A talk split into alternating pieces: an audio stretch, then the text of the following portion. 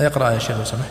يسألونك, يسألونك ماذا ينفقون؟ قل ما أنفقتم من خير فللوالدين فللوالدين والأقربين واليتامى والمساكين وابن السبيل.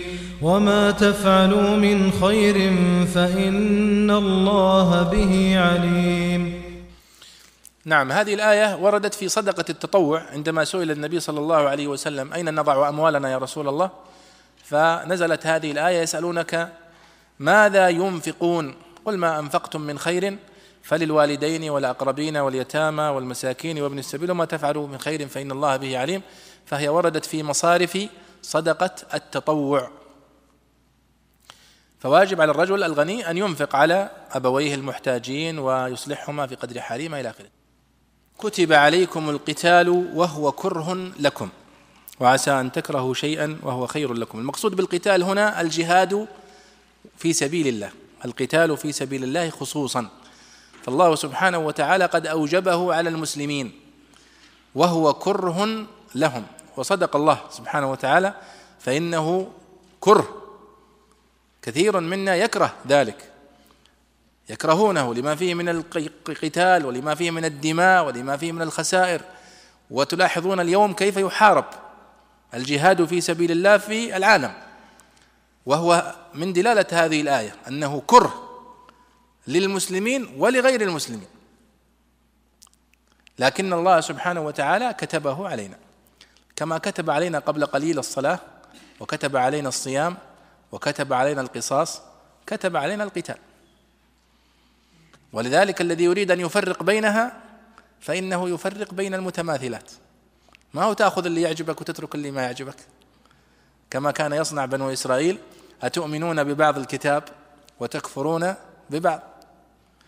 فالله سبحانه وتعالى يقول أنه قد فرض عليكم أيها المؤمنون القتال في سبيل الله وهو مكروه للنفس بطبعها لما فيه من بذل المال والأرواح. ثم قال وعسى أن تكرهوا شيئا وهو خير لكم. وعسى أن تحبوا شيئا وهو شر لكم. والله يعلم وأنتم لا تعلمون من فوائد هذه الآية هو أن القتال والجهاد في سبيل الله مكتوب على المسلمين لكن يختلف باختلاف أحوالهم. وإن كان الإسلام ظاهرا فهو فرض على الكفاية وإن كان جهاد دفع فإنه فرض على الجميع. كل يقاتل بما يستطيع ويدفع بما يستطيع. الآية التي بعدها في قوله سبحانه وتعالى يسألونك عن الشهر الحرام قتال فيه قل قتال فيه كبير وصد عن سبيل الله وكفر به والمسجد الحرام وإخراج أهله منه أكبر عند الله إلى آخر الآية. السؤال هنا عن حكم القتال في الأشهر الحرم. ما هي الأشهر الحرم؟ هي أربعة أشهر معروفة. كما يقول العلماء واحد فرد وثلاثة سرد. وهي ذو القعدة وذو الحجة ومحرم. هذه وراء بعض. ورجب. ورجب أيضا هو من الأشهر التي يحرم فيها القتال. وهذه الأشهر بالمناسبة كانت محرم القتال فيها حتى من أيام الجاهلية. يتعارف العرب فيها على أنه لا يجوز فيها القتال. وهم أصلا يعيشون فيما بينهم على الحرب. لكن في هذه الأشهر يضعون فيها السلاح ويهدؤون فيها. ولم يكن أحد. شوفوا من تعظيم الجاهلية لهذه الأشهر لم يكن أحد يحمل فيها السلاح على أحد. حتى لو لقي أحدهم قاتل أبيه في هذه الأشهر ما يستطيع أن يقتله. من تعظيمهم لهذه الأشهر.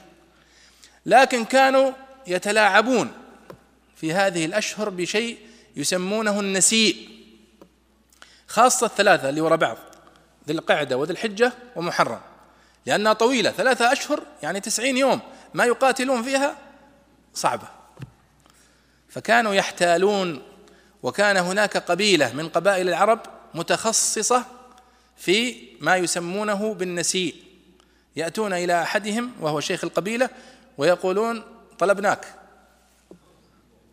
أنك تلغي تؤخر تقدم شهر تؤخر شهر عشان نتصرف. يبغون يغزون وينهبون ويقتلون في هذا الشهر. فيقول طيب أنا بقدم شهر صفر السنة هذه وأخر محرم. قالوا بيض الله وجهك. فهذا هو معنى النسيء. يلعبون في الأشهر. يقول خلاص السنة هذه ذي القعدة ذي الحجة وبعدين أنا بقدم صفر وآخر محرم. ولذلك عبثوا في الأشهر لخبطوها. ما عاد العرب عرفوا وين محرم من من صفر. حتى جاء النبي صلى الله عليه وسلم وحج في السنة العاشرة. فلما حج النبي صلى الله عليه وسلم في السنة العاشرة قال يا معشر المسلمين إن الزمان قد استدار كهيئته يوم خلق الله السماوات والأرض. يعني رجعت الأشهر زي ما كانت بعد اللعب اللي حصل من قبائل العرب. ولذلك قال الله سبحانه وتعالى في سورة التوبة إنما النسيء زيادة في الكفر يضل به الذين كفروا.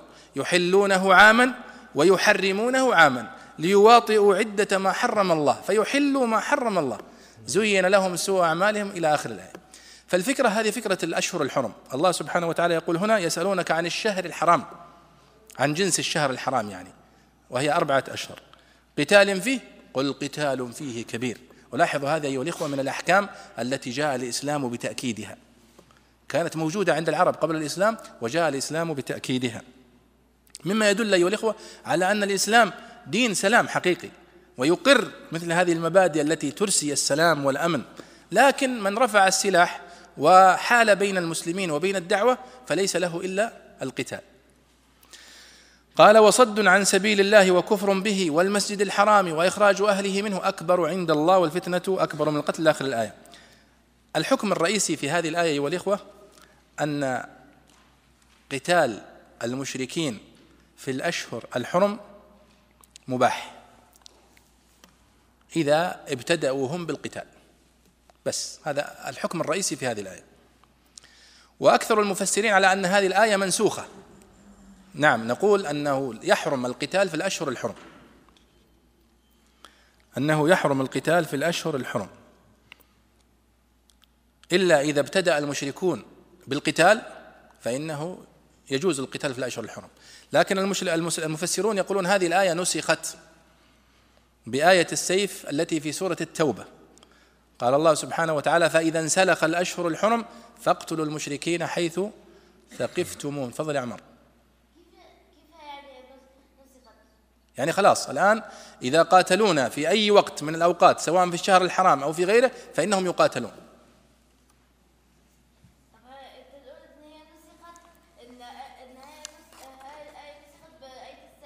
أيوة وبهذه أيضا الآية نفسها في آخرها يعني الله سبحانه وتعالى يقول هنا قل قتال فيه كبير وصد عن سبيل الله أليس كذلك؟ يعني قوله قتال فيه كبير يعني أنه محرم ولا يجوز. لكن إذا ابتدأوكم بالقتال فإنه يجوز قتاله. هذا هو معنى قول العلماء ولذلك مصطلح النسخ وموضوع النسخ أيها الإخوة موضوع طويل. يعني إذا قلت لكم أن مصطلح النسخ عند المتقدمين يطلق على التخصيص وعلى الاستثناء وعلى تقييد المطلق وعلى ثم استقر عند المتأخرين في رفع الحكم المتقدم بحكم متأخر عنه فأصبح النسخ عند المتأخرين مصطلح خاص ولكنه عند المتقدمين أوسع. فمعنى قولهم كانت منسوخة بالمصطلح القديم وإلا في الآية نفسها ما يدل على أنه يجوز أن يقاتل المشركون في الشهر الحرام إذا ابتدأونا بالقتال. لأنه في الآية التي قبلها أجاز لنا أن نقاتلهم في الحرم نفسه إذا ابتدأونا بالقتال.